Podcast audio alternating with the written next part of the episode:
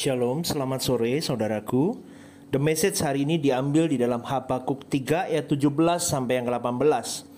Firman Tuhan berkata seperti ini, Sekalipun pohon ara tidak berbunga, pohon anggur tidak berbuah, hasil pohon zaitun mengecewakan, sekalipun ladang-ladang tidak menghasilkan bahan makanan, kambing domba terhalau dan kurungan tidak ada lembu sapi dalam kandang. Namun aku akan bersorak-sorai di dalam Tuhan, beria-ria dalam Allah yang menyelamatkan.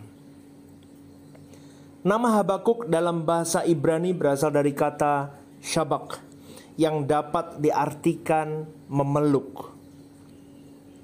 Di dalam bentuk aktifnya, kata ini juga diartikan seseorang yang memeluk atau bergantung pada sesuatu. Nama yang selaras dengan sikap Nabi Habakuk yang imannya tidak pernah goyah di tengah-tengah kesulitan hidupnya. Habakuk mengawali kitab ini dengan keluhan panjang akan kejahatan dan penindasan, baik dari bangsanya sendiri maupun dari bangsa asing. Ia nyaris putus asa, saudaraku, menghadapi kejahatan bangsanya yang semakin hari semakin bobrok di hadapan Allah. Namun akhirnya Habakuk menutup kitab ini dengan nyanyian pengharapan kepada Allah. Sajak penyembahan yang mengagungkan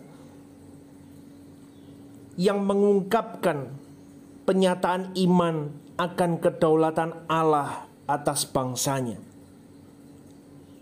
Habakuk yang semula kecewa, sedih dan resah, bahkan nyaris putus asa itu akhirnya diperkuat imannya dengan memuji Tuhan.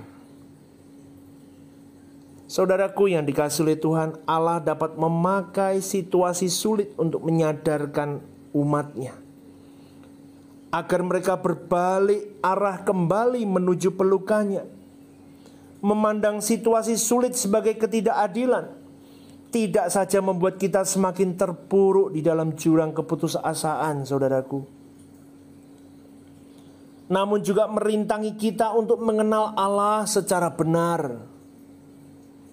Pola pikir kita, cara memandang Allah secara salah dapat membuat respon kita salah dalam menghadapi tekanan hidup dan masalah hidup.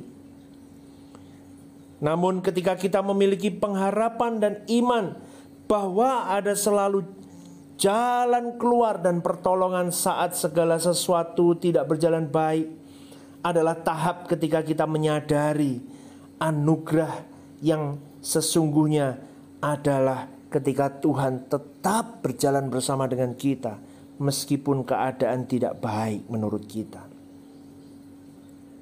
Mari kita ingat dan selalu belajar saudaraku dari langkah Habakuk di dalam menghadapi hari-hari yang berat di dalam hidupnya. Sekalipun pada awalnya ia mengeluh namun sejalan dengan proses yang ia jalani, pada akhirnya ia kembali memeluk Allah dan bergantung sepenuhnya kepada Allah. Bahkan kepercayaannya kepada Allah semakin hari semakin bertambah kuat karena ia menyadari Allah akan memberi kekuatan untuk bertahan dan untuk menang di dalam menghadapi masa-masa sulit kehidupannya. Bagaimana cara pandang kita ketika masalah sedang datang silih berganti dalam hidup kita? Apakah Anda berusaha dengan sekuat tenaga Anda sendiri mencari jalan keluar dan menjauh dari Allah?